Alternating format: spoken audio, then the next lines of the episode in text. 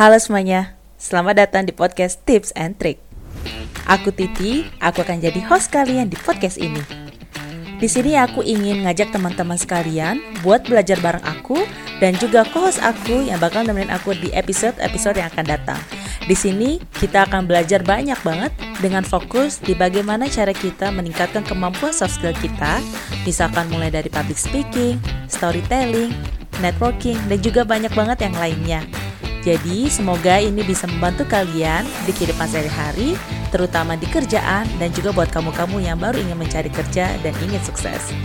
Selamat mendengarkan.